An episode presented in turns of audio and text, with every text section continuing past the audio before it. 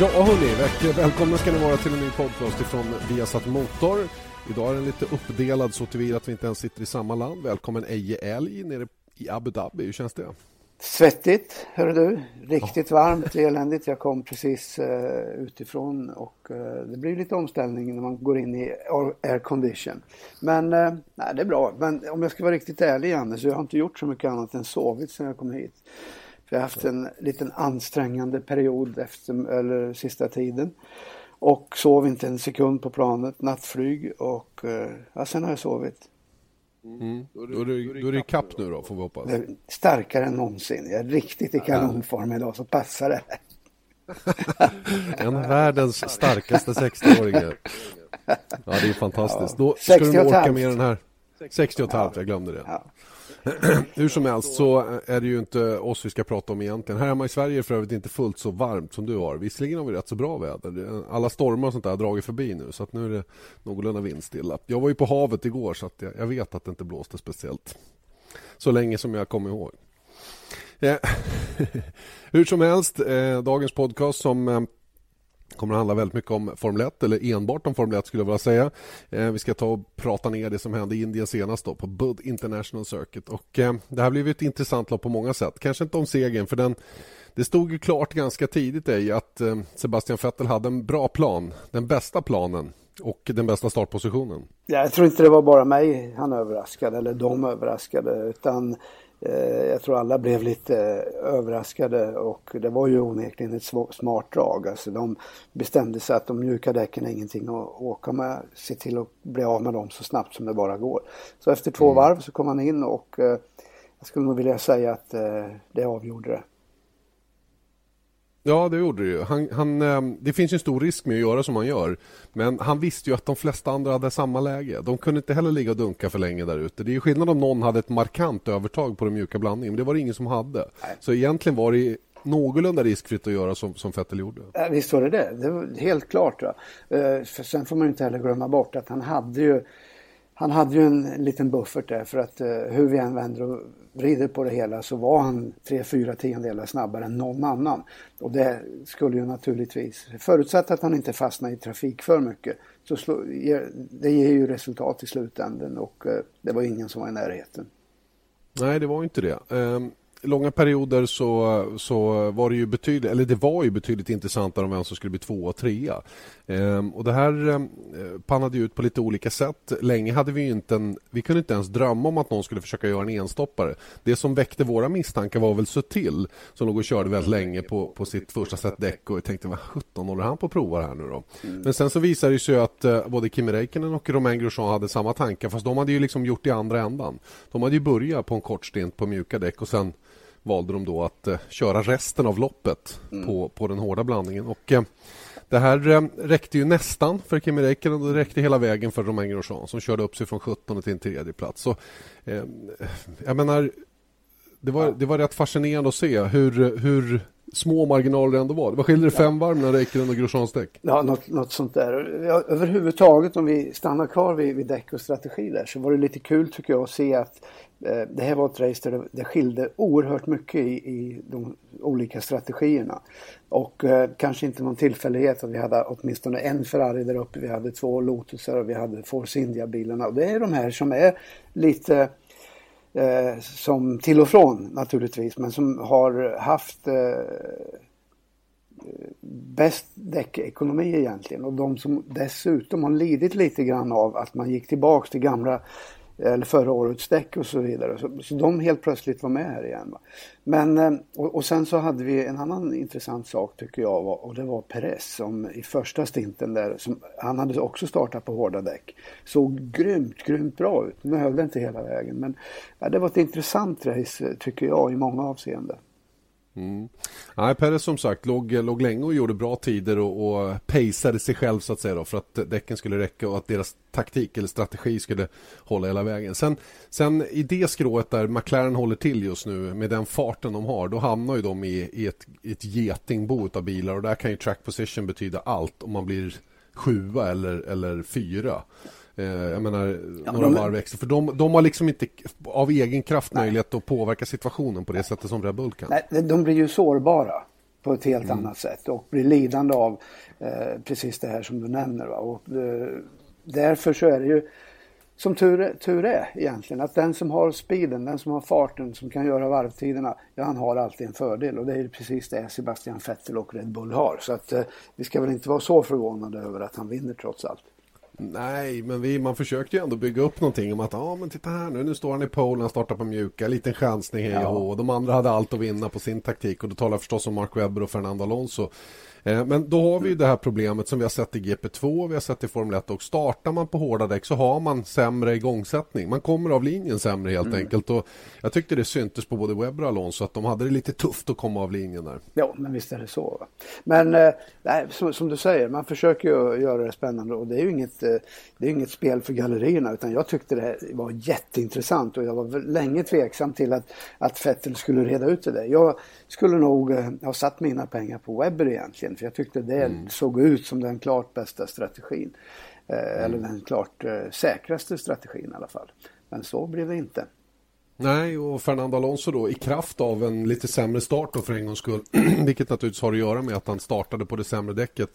Eh, inblandade då, först var det ju Webber och, och Räikkönen som touchade i varandra och Webber studsade åt sidan och träffade Alonsos framving och sen var ju liksom Alonsos både taktik, strategi och fart egentligen borta. Hur skulle han kunna reparera det där? Han hade ju mm. tänkt sig göra en jättelång stint och tvingades i depån redan på en gång. Ja, du kan aldrig bortse från, bortse från det faktum att om du kompromissar kvalet ja, och eh, då kommer du att eh, lida av det i ett, på ett eller annat sätt.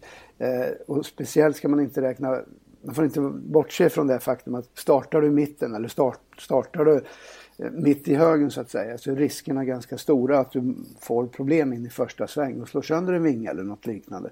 Precis mm. som, eh, som inträffar för Alonso. Och för att ta det exemplet ännu längre så är det bara att titta på Lotus och vad de gjorde med Romain Grosjean.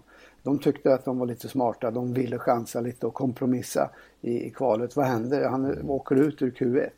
Så att, eh, mm. ja det, det, är farligt. Va? Men det här är ju sådana saker som man måste ta till om man inte har den ultimata farten. Och det är det som gör att, eh, eh att eh, Red Bull och Vettel eh, naturligtvis har ett betydligt större fönster att jobba inom. Och därför så mm. kan de lägga upp den här typen av strategier som de gjorde och, och eh, dessutom utföra den absolut eh, perfekt. Det roliga med Grosjean från hans 17 plats är att han troligen inte hade hamnat bättre om man till exempel hade startat femma, sexa. Han hade ja. förmodligen blivit någon tredje plats i alla fall. Kanske tvåa om Webber hade brutit. Ja. Eller när Webber nu bröt. Det, det, går ju inte att spekulera i. Allting eh, beror ju lite grann på var du hamnar och, och så vidare i, i racet. Vilka du eh, involverade med. Men eh, helt klart så eh, Lotusbilen var ju återigen då väldigt, väldigt effektiv med däcken och eh, det kunde ha räckt riktigt långt. Nu gjorde det det redan för Grosjean som ju hade ett utomordentligt bra race igen. Tredje, mm. tredje podiumet i rad. Just det, en väldigt, väldigt bra trend som man har just nu och som det finns alla anledning att tro att han kan hålla i. Vi vet ju hur bra Lotus var här förra året och eh, där var ju båda Lotusförarna på pallen vill jag minnas och eh, Sebastian Vettel då gjorde ju den här fantastiska uppkörningen från start i depån till en slutlig tredje plats. Eh, Indien ja, och banan Bud International Circuit. Det var ju mycket snack inför i alla fall om det här med eh, om det här med track limits och hålla sig innanför den vita linjen och så vidare. Nu tycker inte jag att det blev egentligen några kontroversiella situationer i själva loppet utan alla åkte alla åkte samma spår så att säga. Det var ingen som utmärkte sig och genade mer än någon annan. Sen vet jag att en del har påvisat då att det varit förare som har varit över med hela, hela bilen över vita linjen och så vidare. Men det tror jag man kanske får räkna med lite grann. Speciellt på en bana som ser ut som den gör. Men, men eh, precis som vi pratade om i sändningen där. Visst är det konstigt ändå att, att man inte kan ha en enhetlig linje så att säga inte, inte en banlinje nu utan en linje som FIA håller och tävlingsledningen håller då huruvida man får köra eller inte. Att, att komma dravlandes med att det är svårt att vara exakt i utgångarna. Hallå, Nej. hade det stått en vägg då hade man varit jävligt exakt. Ja, men hallå Janne, det är inte alls konstigt. Utan det är helt naturligt. Hur tusan, hur i hela friden. Nu försökte jag inte svära, märkte du det? Hur, hur, ska man kunna ha koll på det här? Det finns inte en mm. chans. Mm. Det enda sättet Nej. är att tillsätta 22 domare var, som specialbevakar varje bil. För att eh, ska det här regelverket fortsätta att gälla utan att man ändrar om eh, saker och ting, ja då kommer man att få ett jätte, jätteproblem att ha koll på det här och det kommer att utdelas många bestraffningar som är rättvisa och orättvisa. Och eh, bara för att nämna några ja. exempel, det som var totalt bannlyst som inte, du absolut inte fick göra, det var att eh, gena via Apex med, med hela bilen. Men det gjorde Lewis mm. Hamilton åtminstone vid två tillfällen som jag uppmärksammade. Och jag menar, mm. det, det, det, så det, vad jag menar är här att Eh, det är väldigt, väldigt svårt att vara konsekvent eh, i, i domarbesluten och dessutom se allting och bedöma, eh, framförallt bedöma eh, om man har tjänat på det eller inte tjänat på det, om det är en manöver som, som krävs därför att man vill undvika en, en kollision med en, en, en annan bil och så vidare. Hur stor vikt ska man lägga vid att den bilen på insidan kanske driver ut och inte lämnar plats. Så det är en mycket, mycket, mycket svår situation som jag tror att det börjar gå upp för de, de styrande och jag tror att de inser att de är på väg in i en tunnel utan ljus i andra änden. Eh, om, mm. och, och, att man måste någonstans hitta en lösning på det här för, för annars så kommer alltihop att, bli, att förlöjligas enligt mitt sätt att se det. Och jag kanske tycker heller inte att det största problemet är det som förarna upplever med det här utan att, eh, att de kan bli frustrerade över inkonsekvensen i besluten och så vidare utan jag tycker det största problemet är för dig och mig och för alla andra som sitter vid tvn att inte veta vilka förutsättningar som gäller. Hur ska vi kunna bedöma vad som händer på banan om vi inte vet vad det är som gäller? Jag vill ju kunna se med blotta ögon, ja men den här killen var utanför banan här och där får man inte vara. Då förväntar jag mig att det kommer en bestraffning eller i alla fall ett, en varning om en bestraffning eller en struken tid eller vad det nu kan vara. Någonstans måste man ju berätta vad som gäller. Fast det är inte bara du och jag, Janne. Det är ju alla, varenda tv-tittare ja. vill ju känna samma ja, sak. Men, men det, så, så det är ju den ena, ena aspekten på det. Nästa aspekt är ju att vill vi inte se ordentliga fighter där förarna verkligen kubbas. Det vi är vana att se, det som har gjort Formel 1 till vad det är. Eh, mm. som, som det är nu, jag, jag menar varje, fortsätter det i, i, samma linje så är det ingen som vågar göra någonting annat än att uh, göra omkörningen med DRS eller kurs och DRS. Hur kul är det då? Ja, inte vet jag. Så att jag, jag, tycker att det här är ingen bagatell som man, man kan bortse ifrån. Och man kan inte bara titta, titta, titta på tv eller titta på racen och säga att ja, de vita linjerna gäller, eh, håller innanför det, punkt slut. För att eh, så enkelt är det inte utan här måste man se till att göra någonting för att inte, inte försämra Formel 1. Och jag tror mm. att det är på väg att hända för jag tror att det, står ganska, att det är ganska uppenbart, att det är ganska klart för de som som sitter i, i bestämmande eh, positioner här. Så att äh, ja. vänta och se det är farliga saker i alla fall att ignorera den här typen av kritik. Det är farliga saker att ignorera den här typen av kritik som kommer från, från tittare till andra tv-kommentatorer och så vidare. Jag menar förr eller senare så, så och det, vi har ju sett en viss tröghet i, hos FIA emellanåt när det kommer en väldigt stark opinion. Ja, till slut så ändrar de på saker och ting och det, det, känt, det känns som att vi är på väg åt det hållet nu också. Mm, visst är det det och eh, eh men, men, som sagt var, eh, jag tycker ändå att vi kan eh, jag tror att det här är någonting som, som är på gång att... Eh, för, för så här är det ju också, Janne. För inte glömma bort en väldigt viktig faktor i det här. Det är ju säkerhetstänkandet som har drivit hela den här frågan som har gjort att vi hamnat där vi är just nu. Men nu har det mm. alltså hamnat i en situation och, och det är fine med mig, det är fine.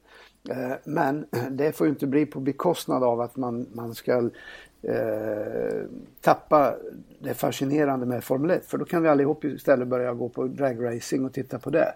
Om det håller sig mm. inom linjerna så att säga. Men mm. nu börjar det bli en så pass eh, stark opinion och dessutom förarsammanträdena som är under helgen. Det som diskuteras är just den här frågan. Titta vad som hände i Indien. Där, där kom man då fram till att under kvalet, ja ni får gena utgången. Varför? Jo därför att det är skymda skymda kurvor och, och, så vidare. Det är svårt. Har man redan bestämt sig för en fart genom svängen och så i utgången som man alltså inte ser, ja då hamnar man en meter utanför och så vidare. Men eh, då, då, då är vi inne på, livs, på riktigt djupt vatten för då kommer det ju hela tiden att användas de argumenten eh, längre fram när man kommer till en bana. För det är inte bara Indien som då har skymda utgångar i kurvorna. Hallå! Verkligen Jag menar, inte. det finns ju inte. lite överallt utom möjligtvis möjligtvis här då, för här är det inte speciellt kuperat. Om man säger. eh, nej, men du förstår vad jag menar. Men så, att, så att det, ja, ja. Det, hela biten är väldigt komplext och det här är någonting som man måste börja titta på. Eh, Det enda jag kan säga är att eh, redan när man började, började jobba enligt de här riktlinjerna som man har nu så kände jag att nu är man ute på på, på riktigt eh, svag is. Därför att du kan inte bara över natten få en förare att, eh, att eh, en förare som, som har aldrig gjort något annat än kört bil i ett eller annat utseende i hela sitt liv, att helt plötsligt börja tänka annorlunda. Det är så här att så länge det är race, så länge det är tävling, speciellt på den här nivån, så kommer förarna att fortsätta utnyttja varje millimeter som finns tillgänglig. Sen om det är lite ojämnt och hejsan svejsan, det är skit samma. Man kommer att gena där som eh, där man har nytta av det. Så att det handlar egentligen om att se till att göra banorna eh, se till att komplettera banorna på, på, ett sätt som gör att det inte blir eh, tidsvinst med att eh, åka utanför. Det finns inget Nej. annat sätt. Det, det, ska inte vara ett alternativ helt enkelt.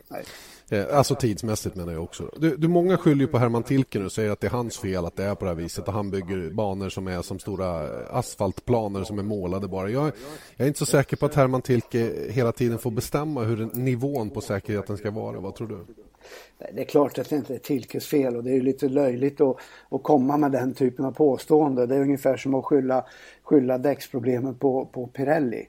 Eh, de har ju, både Pirelli och Tilke har ju naturligtvis riktlinjer och normer att, att hålla sig inom. Och precis som jag säger, eh, den stora stora grejen för internationella förbundet är ju att hela tiden sträva efter ökad säkerhet och det är den ökade säkerheten som har inneburit att vi har den här typen av banor. Vi har provat med allting utanför, utanför banan så att säga. Vi har gräs, vi har sån här catch fencing, vi har däck, vi har you name it. Det finns alla möjliga varianter och nu har man kommit fram till eh, den senaste, de senaste forskningarna då att det här är det säkra sättet. Asfaltera, se till att bilarna eh, fortfarande har hjulen i backen, att de inte studsar och far och, och riskerar att, att, rulla runt och så vidare.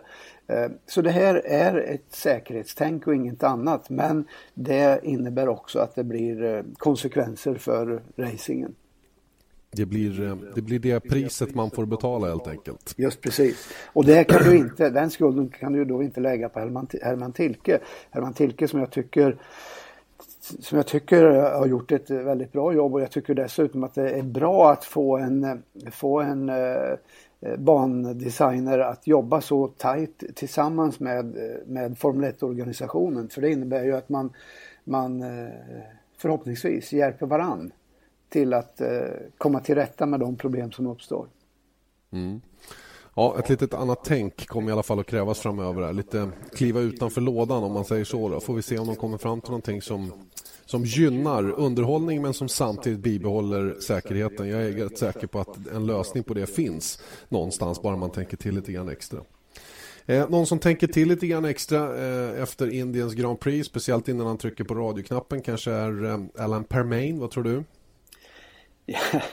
ja, jag kan inte annat än eh, skratta lite. Det, det, jag tycker det var roligt. Ja. Jag tycker det är kul ja. och, och, det visar ju bara vad det handlar om alltihop. Alltså det är ju inte bara föraren som är eh, superladdad under racen utan det är ju ett eh, lagarbete och eh, alla har nerverna utanpå skinnet och det hade ju han också i det här fallet och eh, sen mm. att han använde kanske lite olämpligt ordval. Men, men hallå, jag, jag brukar ju mm. svära åt dig ibland Janne när jag blir riktigt tjurig. När jag tycker att du vet, vet allt och talar om för mig hur livet fungerar. Och då brukar jag ju svära till, då blir det lugnt ett tag. Ja, men eller hur? Det är liksom... Nej, men jag du, också du. Har väl, du har väl samma problem hemma? Jag har det i alla fall. Jag gör varje dag, ja. varje dag precis samma sak. Nej, det, det jag kan känna rent spontant är att jag har lite svårt att förstå den här upprördheten. Att det skulle vara så fruktansvärt farligt att bli svuren åt. Fan, fan höll jag säga. Då skulle, jag, då skulle jag gå och vara deprimerad för jämnan. För ja. jag menar, det händer ju titt som tätt.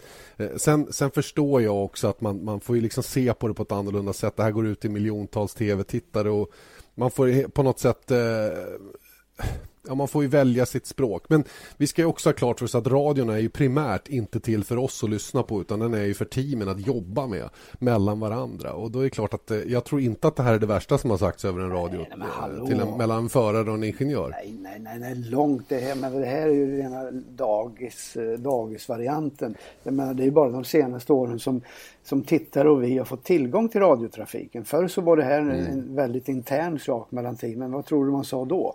Nu måste man mm. Verkligen tänka till och innan man, man svär. För man representerar inte bara sig själv, man representerar förare, man representerar, representerar team, sponsorer framförallt. Nu har inte mm. Lotus så många i och för sig. Men, men, nej, men du förstår vad jag menar.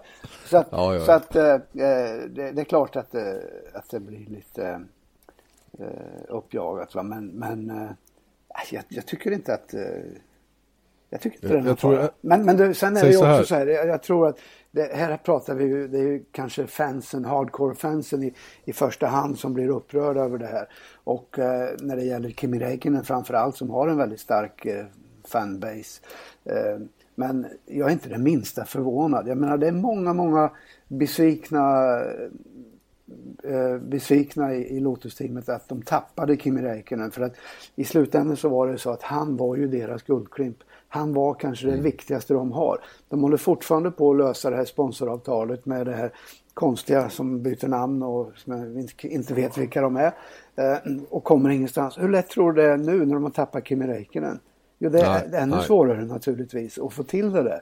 Så det är klart att eh, många, många var lite besvika, besvikna och må, många kanske tycker att eh, tänker han bara på pengar och så vidare. Och, för det har ju varit ett, ett underbart trevligt samarbete fram till nu egentligen.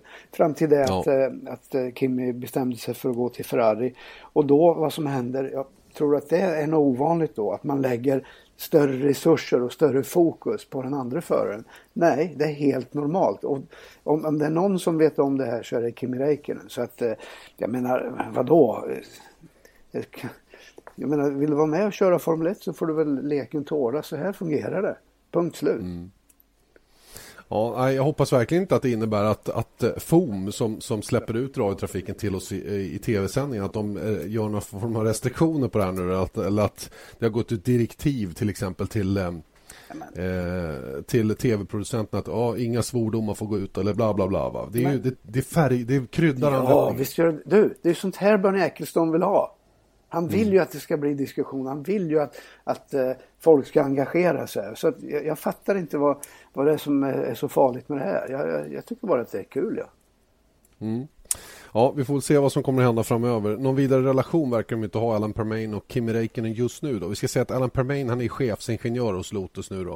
Eh, det är Mark Slade som jobbar med enbart eh, Kimi Räikkönen. Sen är japanen som jag inte minns namnet på nu då, som jobbar med Romain Grosjean. Sen har de Permain mitt emellan där. Och Ja, min egen tolkning av det som hände var ju att det blev lite tajt där uppe i hårnålen. Och där hade ju Kimmy kunnat bromsa lite tidigare. Men jag upplevde att han ville försvara sig just där. Och det var efter den kurvan som den här radiotrafiken kom. Att han skulle hålla sig ur vägen. Och då kunde han ju inte åka åt sidan. Där fanns det inte en möjlighet för honom att flytta sig. Utan det var ju först där han väl gjorde det då innan sista sväng. Nej men självklart Janne, så de här meddelandena var ju en reaktion av vad man visuellt såg i, eh, i Hovnorden, kurva 4, precis som du, som du säger.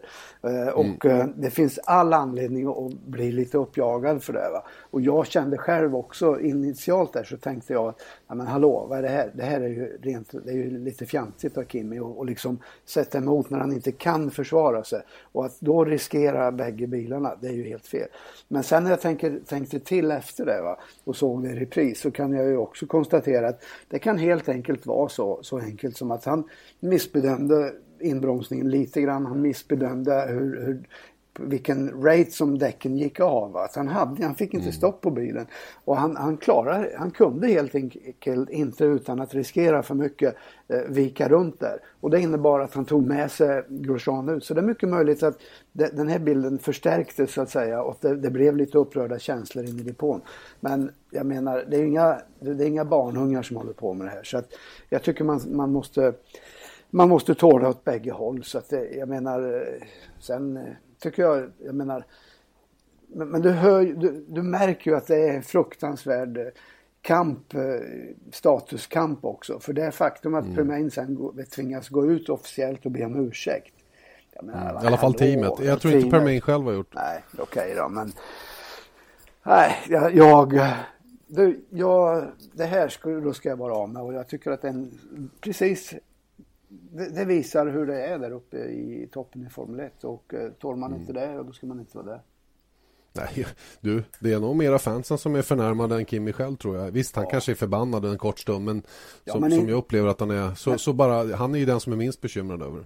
Du, det är säkerligen så att det kan vara en liten infekterad eh, stämning dem emellan. Det är inte alls säkert att Kimi enligt eh, Permain då representerar Eh, det han skulle vilja ha av en förare. Men å andra sidan så kanske Kimi kompenser, överkompenserar i andra, på andra områden med sin snabbhet och sin eh, consistency och, och, så vidare. Va? Så att, eh, det är mycket möjligt att de inte är de bästa vännerna men eh, jag är övertygad om att de ändå har ett eh, professionellt eh, bra samarbete och det är det som gäller. Och eh, jag, jag, ser det här bara som en liten eh, parentes och jag tycker inte det finns anledning att vara upprörd för det. Då slutar vi med det, kort och gott. Vi eh, ägnar oss istället åt att prata om killen som tog sin fjärde VM-titel då nu senast, nämligen Sebastian Vettel. Han säkrade alltså upp titeln då efter 16 körda deltävlingar av årets mästerskap. Han har dominerat kan man väl säga ifrån, eh, ifrån Belgiens Grand Prix och framåt eh, utan att överdriva. Eh, och eh, det har sett otroligt bra ut sen Red Bull fick de nya däcken att köra på, eller Sebastian Vettel då snarare. Och de har ju själva sagt att det var ju det som vände det så att de blev så dominanta som de blev. Eh, jag tycker inte vi går in på just eh, vilka uppdateringar som har gjorts och hela den biten. Det är roligare att prata om Fettel som förare och hur, eh, hur stabil han har varit under, under det här året. Trots att det åtminstone inledningsvis var lite småskakigt. Jag minns så väl vad jag kände när de var i Barcelona till exempel där han tog en av två fjärdeplatser. Eh, och jag tänkte så här, oj, är dominansen bruten nu? Det här ser mm. inte alls bra ut och de hade jätteproblem att få däcken att hålla och hela den grejen och andra smet iväg och hade betydligt bättre förutsättningar. Men, men eh, på något sätt så så svängde det fram och tillbaka några gånger där och sen så stabiliserade sig det då när vi hade det här eh, riktiga raset för däcken då på Silverstone och vi tvingades, eller Pirelli tvingades till en förändring av däcken. Ja, det stämmer ju, stämmer ju exakt det du säger. Va? Och eh, eh ja, jag vet inte vad jag ska tillägga där. Va? Men, men eh, jag skulle nog vilja säga att den här, om, låt oss kalla det här comeback, för jag håller med dig precis i, i det du säger att man hade det lite jobbigt inledningsvis och det var eh, allt annat än en dominans från Red Bulls sida. Självklart fick man en hel del hjälp av däcken och så vidare. Men jag tror personligen ändå att eh, Sebastian Vettel är en mycket, mycket större del i det här än vad många vill göra, göra gällande. För det är väldigt, väldigt många som vill förenkla och säga att ja, men det är väl inget svårt att vinna i världens bästa bil. Nej, men hur blir det världens bästa bil då? Ja, mm. det, där, där har ju föraren ett mycket, mycket större eh, har ju mycket större del än vad många tror. För att det är världens enklaste sak för en förare att, att Eh, Eh, ska vi säga, avleda teamen eller leda teamet eh, eller ingenjörerna åt fel håll. Och det är det han inte har gjort. Då. Han har gjort några missar. Han, han, eh, det var några uppdateringar i Kinas Grand Prix i år som han tyckte inte fungerade och gick tillbaks till det gamla. Ehm, men i slutändan så fick han, fick han backa och gå på Adrian Lewis linje, fortsätta och utarbeta det här nya uppdateringskittet och det blev bättre. Så att Eh, föraren har en, en grym eh, stor betydelse i det här och eh, framförallt när det gäller kommunikationen mellan teamet, mellan ingenjörerna, mellan Adrian Newey och föraren. Och jag tror att i det avseendet så tror jag att jag tror att Sebastian Vettel är ett föredöme. Och att han dessutom eh, har en, eh, ett sånt grymt självförtroende som han har idag. Vilket du naturligtvis får av kontinuitet. Han har jobbat med samma människor, samma typ av bil. De har e-, haft ett, ett och samma mål. De har en bil som inte kräver eh, omdesign varje gång de kommer till en ny bana utan det är smärre justeringar. För att nå den här sweet spoten som, eh, som finns, eller som de, som de ganska lätt hittar.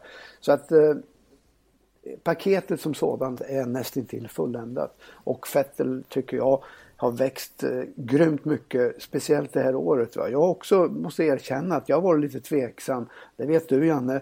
Eh, jag har mm. inte velat eh, stoppa in honom i facket som de, de, riktigt stora. Men jag tycker ändå att eh, i år så har han visat att eh, han, han, eh, han har växt till sig grymt mycket. Att körningen har, har ju funnits där hur länge som helst men körningen är bara en liten del i det. Att vara snabb över ett varv. Nu eh, behärskar han det här, han kontrollerar saker och ting. Han jobbar effektivt med teamet. Han visar att han kan eh, komma, eh, han kan slå bakifrån, han, det funkar med omkörningar och så vidare. Så att för mig så känns han just nu väldigt komplett. Sen kan jag i och för sig då förstå vissa som säger att ja, men det skulle vara intressant att se honom i en annan bil. Ja, det är klart att det skulle vara. Eh, mm. Men, men eh, det, det, skulle ju naturligtvis eh, sätta ännu bredare guldram runt Sebastian Vettel om han hoppar över ett annat team och vann VM där. Va? Det finns ingenting som säger att han inte kan göra det. Han han, eh, det är bara att inse att han är väldigt, väldigt skicklig. Han har gjort det väldigt bra. Han har haft naturligtvis eh, han, han, har haft god hjälp. Va? För han har haft guldskeden i munnen sedan han var 10-12 år i stort sett. Va? Men mm. det är ju det det handlar om. Exakt så är det. Och eh, det intressanta är ju att eh, enligt vad, vad, man får berättat för sig i alla fall så har han ju en unik en unik förmåga att hela tiden lära av misstagen och hela tiden förbättra sin, sin egen del av ansvaret så att säga, nämligen själva körningen då att anpassa körningen efter de förändringar som görs på bilen och få ut eh, Ed Straw på Autosport skrev någonting väldigt bra att en, en, en förare, ingen förare kan ju förändra fysiken så att säga. En Ingen toppförare kan förändra en medioker bil. Det enda en förare kan göra det är att plocka ut det som finns ur bilen och att se till att det är precis max det som kommer ut av varvtiderna i en bil. Och det är precis det Sebastian Vettel gör. Problemet för konkurrenterna är att hans bil är dessutom bäst. Eller i alla fall en av dem. Ja, ja den är ja. bäst. Och, jo, och, och, och, jag tycker skillnaden blir ju så övertydlig när man ser vad Mark Webber lyckas med mm. i förhållande till vad Sebastian Vettel gör. För Webber är ingen wanker. Han är en jättesnabb förare. Men han har ändå jätteproblem att hänga med. Ja, ja men visst är det så. Och, och eh, men det är ju inte enbart det, det, här är ju mycket, mycket komplext, Janne. Eh, Fettel eh, har ju drivit utvecklingen också. Du säger, det du säger här, du refererar till någon, vad någon annan hade sagt, att det enda en förare kan göra är att utnyttja en bil maximalt eller optimalt. Fine, men då, då når du ju ganska snabbt ett tak. För vad det handlar mm. också om i allra högsta grad är ju att, att, eh, att eh, sortera ut de bra och de dåliga grejerna och få bort de dåliga och, leda utvecklingen så att bilen blir bättre. Och det är det som är hela grejen. Men då hamnar du alltid i ett, i ett eh, dilemma när du har två förare som inte har exakt samma preferenser. Eh, att eh, det finns en viss, eh, ett visst fördelstänkande mot den ena föraren. Ja, då går utvecklingen åt ett håll och den andra föraren tvingas då göra förändringar i, i det som funkar för honom rent körmässigt.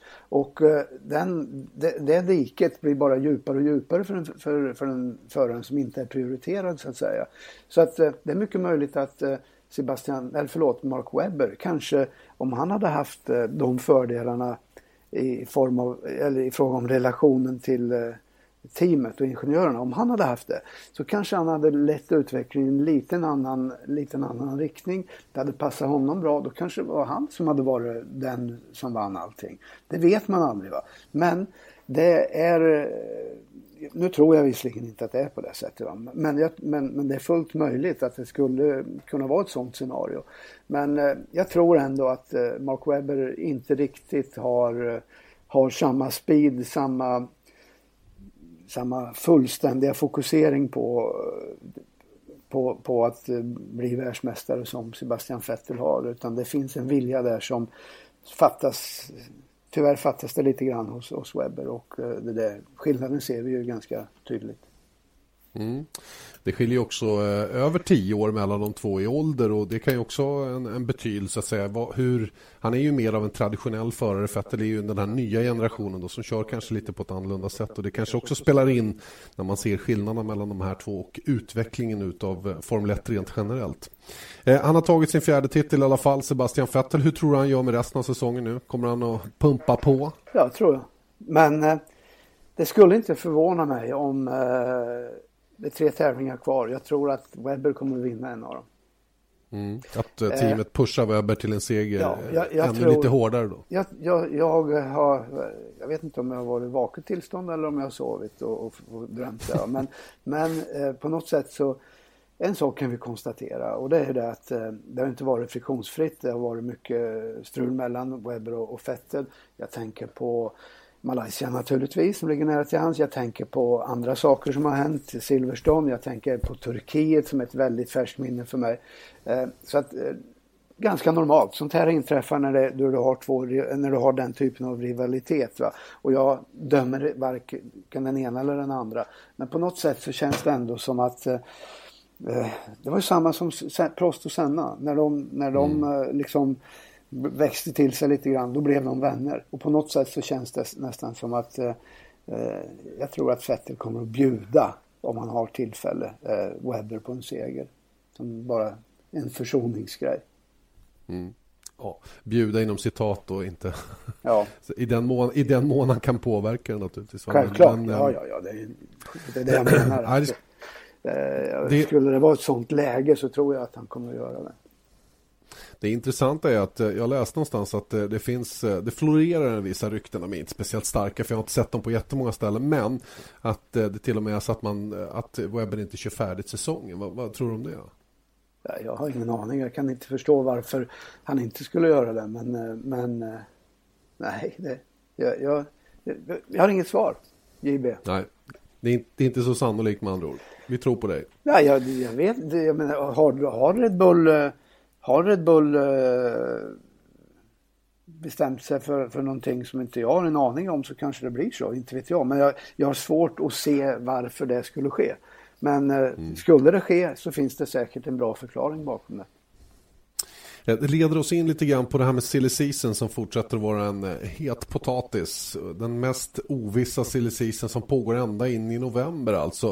Eh, det är ju helt otroligt egentligen att det är så många platser som fortfarande är lediga och det senaste är ju att det verkar klart mer eller mindre i alla fall att Maldonado lämnar Williams. Att hans stora sponsorer då från Venezuela väljer att hoppa av det här samarbetet med Williams som, som ändå skulle sträcka sig över två säsonger till. Eh, det kan ju bli en dyrbar historia för de här sponsorerna för jag tror inte Williams är villiga att släppa några pengar som de har ehm, eh, via kontrakt rätt till så att säga. Då. Det kanske handlar om någon, ut, någon utköpshistoria eller vad det nu kan bli då. Och sen om det blir några pengar kvar för de här sponsorerna att, ja, pytsa vidare då för Maldonado eh, i något annat team, det återstår väl att se. Det som eh, verkar fullt klart ändå är väl att Felipe Massa kommer allt närmare den där styrningen hos Williams då. Det verkar ju dessutom som om Rob Smedley, hans ingenjör, tar samma väg. Om det nu dessutom är så att Ross Braun lämnar Eh, lämnar Mercedes, vilket eh, verkar vara nära förestående också, även om Merca och Niki Lauda säger att de gärna ser att han har någon annan typ av position, men någon, någon team principal kommer han ju inte att bli i framtiden. Så det vore lite fränt att få se Ross Braun i Williams tillsammans med sin gamla vapendragare eh, Pat Simmons då, och se vad de kan göra med Williams. Ja, du, det blev mycket på en gång det där, Janne. Ehm, du får bena, ja, bena ut det ja, där. Ja, men du har rätt. Helt rätt. ja, nej, det är klart. Rosprån är lite intressant och vad han ska ta vägen. Och, eh, ehm, ja, eh, jag är inte så hundra på att han... Jag vet inte om han har den geisten kvar. Att eh, verkligen ta sig an något, något nytt. Eh, kanske han skulle må bra av ett sabbatsår och, och ladda om batterierna och så vidare. Så att, eh, det, fu det, det funkar ju förra gången. Ja, det funkar ju förra visst, gången. Visst, visst, visst. Så att det är mycket, mycket troligt. Då. När det gäller förarmarknaden, ja, otroligt intressant naturligtvis och eh, Maldonado, eh, jag, jag är övertygad om att precis som du säger, för Williams är han en eh, oerhört viktig del av organisationen och det faktum att han försvinner, vilket verkar vara i stort sett 100% klart, eh, kommer att vara ett ordentligt avbräck och eh, ett team som redan har ekonomiska bekymmer kommer ju naturligtvis att få ännu större problem. Så det, man ger inte upp ger inte upp honom frivilligt, det är en sak som är säkert. Men eh, det har vi ju sagt ganska länge eh, att eh, han verkar oerhört trött på, på sin situation och det kan jag förstå för att i år har Williams haft en, en riktigt, riktigt dålig bil. Alltså. Men, mm. men så här då Janne. Det är nästan lika säkert som att Maldonado försvinner att Guido van de Gard kommer med sina sponsorer till Williams. Där det tidigare har funnits ett samarbete med, eh, jag kommer inte ihåg vad de heter nu. McGregor. McGregor, McGregor. Ja. Eh, de, har, de har ju funnits på Williams tidigare, eh, haft ett samarbete och det är en dåligt bevarad hemlighet att det i stort sett är klart att Guido van der Gard kommer gå dit. Kommer dessutom Massa med sina sponsorer från Brasilien. Då är ju den stora frågan, var går då Valtteri Bottas? Bottas? Jo, säger någon. Då blir ju han, eftersom han är kontrakterad av Toto Wolff, så kommer han att bli tredje förare för Mercedes. All right. Men, men. Ja. Det är bara det att han får inte köra fredagar. Aha. Eftersom han redan har en säsong i F1. Så att eh, då, hamnar, då kanske han hamnar i simulatorn och det är väl inte så roligt. Nej. Det är alltså en tänkbar utveckling där. Det var lite nytt för mig. Jag trodde Bottas, var, jag trodde ja, Bottas satt ganska säkert där. Prata med mig när du vill ha nyheter eller skvaller. Okay. Nej, men det, du, hör här. Hela den här situationen med silly season blir ju en spekulation. Självklart är så, olika, olika grejer olika, har olika sannolikhetsgrad på sig. Eh, att eh, att eh, Nico Hülkenberg och eh, Maldonado slåss om Lotus-sätet, det är väl ganska, ganska uppenbart. Och där tror jag allting är avhängt av att eh, eh huruvida Lotus kan få in eller få till stånd den här sponsordealen som de nu har jobbat på i över ett år. Eller inte. Mm. Får de, får de Kommer de ytterligare ett steg närmare där, ja då tror jag de tar Nico Hülkenberg för det är honom de vill ha. Får de inte det, ja då kanske de behöver ha Maldonado med de sponsor, sponsormiljonerna som han har med sig. Och det här mm. kommer, att vara, kommer att vara en avgörande faktor hur det utvecklar sig neråt sen. Så att eh, det, det, kommer att rinna mycket vatten under broarna även de följande veckorna, det är jag övertygad om. Mm. Eh, spännande är det i alla fall med, eh, med alla spekulationer och det, det, att vi pratar om just Williams och Lotus då, det är ju kanske att de, de eh, tillsammans med Force India är ju lite mer intressanta. Toro Rosso är ju redan klara så de behöver vi inte lägga någon kraft vid så att säga då. Sen har vi då Caterham och, och Marussia då där där vi också vet att det fortfarande är öppna platser. Och jag läste nu senast att Marussia de fortsätter att se över sina alternativ inför 2014. Det innebär ju att de har fortfarande eh, en plats ute till högstbjudande så att säga. Och den, jag, jag tror, jag, nu... jag, tror att det är så att eh, Chilton kanske vill se sig om eh, efter något annat. Vilket eh, talar lite grann emot det jag sagt tidigare att eh, familjen Chilton då har eh, ganska stort eh, eller ekonomiskt sett har investerat en hel del i, i, i eh, Marussia. Och det kan mycket väl mm. så vara men eh, att inte glömma bort att eh, pappa Chilton där är en väldigt viktig, väldigt stor affärsman med stora resurser och han skulle mycket väl kunna, kunna för, för sonens bästa så är jag övertygad om att han skulle säkerligen kunna tänka sig att lägga ytterligare lite pengar hos någon annan. Just. Ja, vi får se vad som kommer att hända. Det är ju, eh, det är ju som sagt ingenting vi, vi styr över och vi vet ju inte heller när. Men, men hur länge tror du att det kommer att vara öppet? Eh, tror du att det är året ut eller vill man tidigare än så ha klart med allting? Eller vill och vill men... Eh, ja, man vill ha ja. klart innan året ut. Jag skulle gissa att november månad eh, november månads utgång så tror jag det mesta kommer att vara på plats. Eh, men som sagt var, eh, det, det som är nyckeln till alltihop här det är ju vad som händer hos Lotus i första hand. För det, när, när den platsen blir tillsatt då kommer det att släppa och då kommer det bli panik eh, neråt i leden så att säga och då kommer de olika platserna att ramla på plats ganska snabbt. Mm. Eh, ja, det leder oss in lite grann på svenskarna också naturligtvis som eh, alla undrar. Man får mycket frågor om vad som händer både med Felix Rosenqvist och Marcus Eriksson nästkommande säsong. Det är ju ingenting vi egentligen vet heller. Nå, ingenting är klart även om det, det liksom tittas på alla möjliga alternativ. Det senaste eh, kring Marcus där är att eventuellt World Series skulle kunna vara aktuellt. De är i alla fall sugna på honom. Eh, det är många, många av teamen som har visat intresse för Marcus från World Series och ja, det är väl bra för hans del att man har uppmärksammat honom och World Series ser ut att växa till sig från ett år till ett annat och det blir bara starkare och starkare, helt klart. Va? Så att, eh, huruvida det är ett alternativ ska jag inte låta... Det, det, det, det kan inte jag uttala mig om. Jag säger bara att eh, det är många som vill ha Marcus där. Mm. Eh, Rosenqvist då, det har vi ju berört många gånger tidigare då. Rosenqvist eh, som ska åka Macau nu till att börja med inofficiella VM i Formel 3. Eh, där även Carlos Sainz nu Antonio Felix da Costa då som ersätter Daniel Kviat när det blev klart att eh, Kviat eh, ska köra för Toro Rosso då kör inte han Macau utan då blir det da Costa som vann förra året som, som kör den bilen istället. De körde någon kupprace i England här och varvade alla och, mm. och enbart för att kvala in till det här racet. Man måste alltså ha kört i någon, någon befintlig F3-serie då för att få köra i Macau. Mm. Ja. Eh, när det gäller Felix där så du ser ju själv vilka namn det är som poppar upp när vi pratar Macau. Macau kommer att vara eh, en väldigt, väldigt viktig tävling både för Felix och för alla, alla de andra. Och jag tror att det, ingenting kommer att ramla på plats eh, för, för många av de där killarna förrän Macau är överstökat.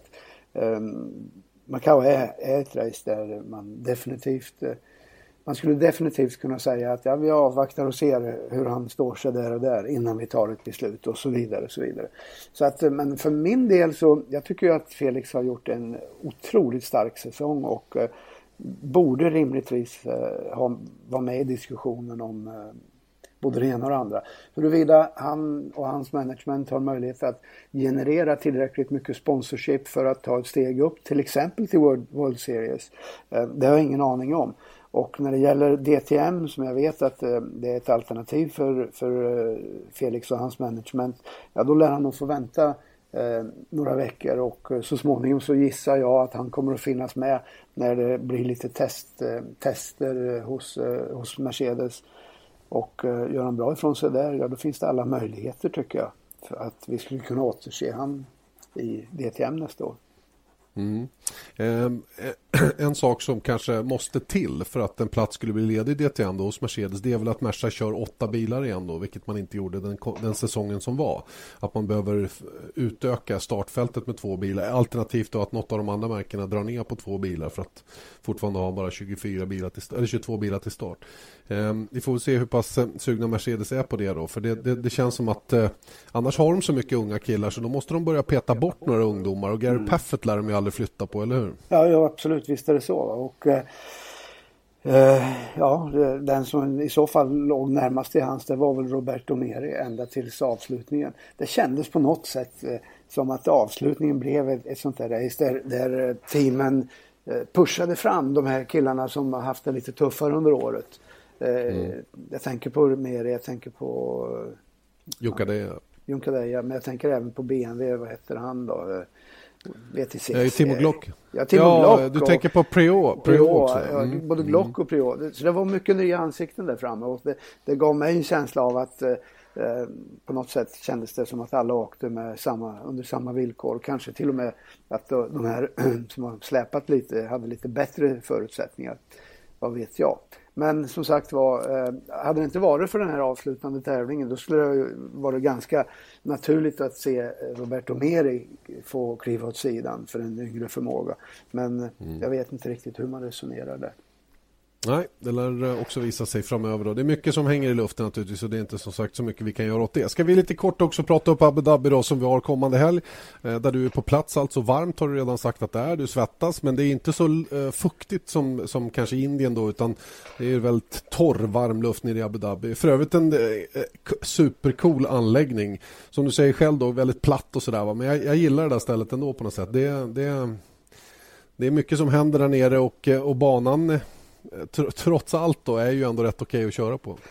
Ja, det är det väl. Jag har ju aldrig kört den där banan så jag ska inte yttra mig. Va? Jag, jag Nej, har, har aldrig... du inte kört där? Nej, jag har gått runt Jag hade lite understyrt på vissa ställen. och sladda lite här och där. Men, ja. ja det är bra. Nej, men du, visst. Det här är ju en anläggningen som sådan är ju oslagbar. Alltså vilket det är, of, det är ofattbart. Alltså man tror inte det är verkligt nästan. Det är, och de pengarna som har lagts här, jag kan inte ens eh, räkna så många nollor skulle jag tro. Så att eh, visst, visst är det kul att komma hit. Själv är jag inte så där jätteimponerad av den här banan. Jag, det, är, det är för mycket asfalt utanför svängarna och eh, men visst, du har sektor 3 där, där man kör under hotellet. Där är det lite trångt, lite Monaco-stuk på det kanske. Va? Så att, eh, det brukar bli rätt så intressanta race trots allt och eh, jag tror att eh, får vi se vad som händer med däcken här. Precis som jag sa, väldigt varmt. När det gäller GP2 så åker de på supersoft och hur det ska gå till och hur den ekvationen överhuvudtaget har kommit upp på bordet, det fattar inte jag. För de kommer ha Nej. precis samma problem som eh, F1 hade i Indien med sina mjuka däck. Va? Och mm. du vet ju hur det var. Så att, Absolut. Ja, det ska bli intressant att se. Fighten om VM, eh, VM-titeln är ju tyvärr slut men vi har ju mycket, mycket spännande i konstruktörs-VM bakom Ferrari och Mercedes där som Lotus smyger sig upp så att eh, det kan bli en trevägsfight eh, där mellan dem om andra platsen som är mycket, mycket eh, attraktivt. Det kan det definitivt bli. Ja, det är ju eh, inte mycket som skiljer mellan eh, ettan och tvåan där. Det är 313 för Mercedes, 309 för Ferrari och sen har vi då Lotus som är på 285 som också är med i den fighten. Alltså 15 plus 18, det är alltså, eller 15 plus 13 33. det är 28 poäng. 33, ja. förlåt.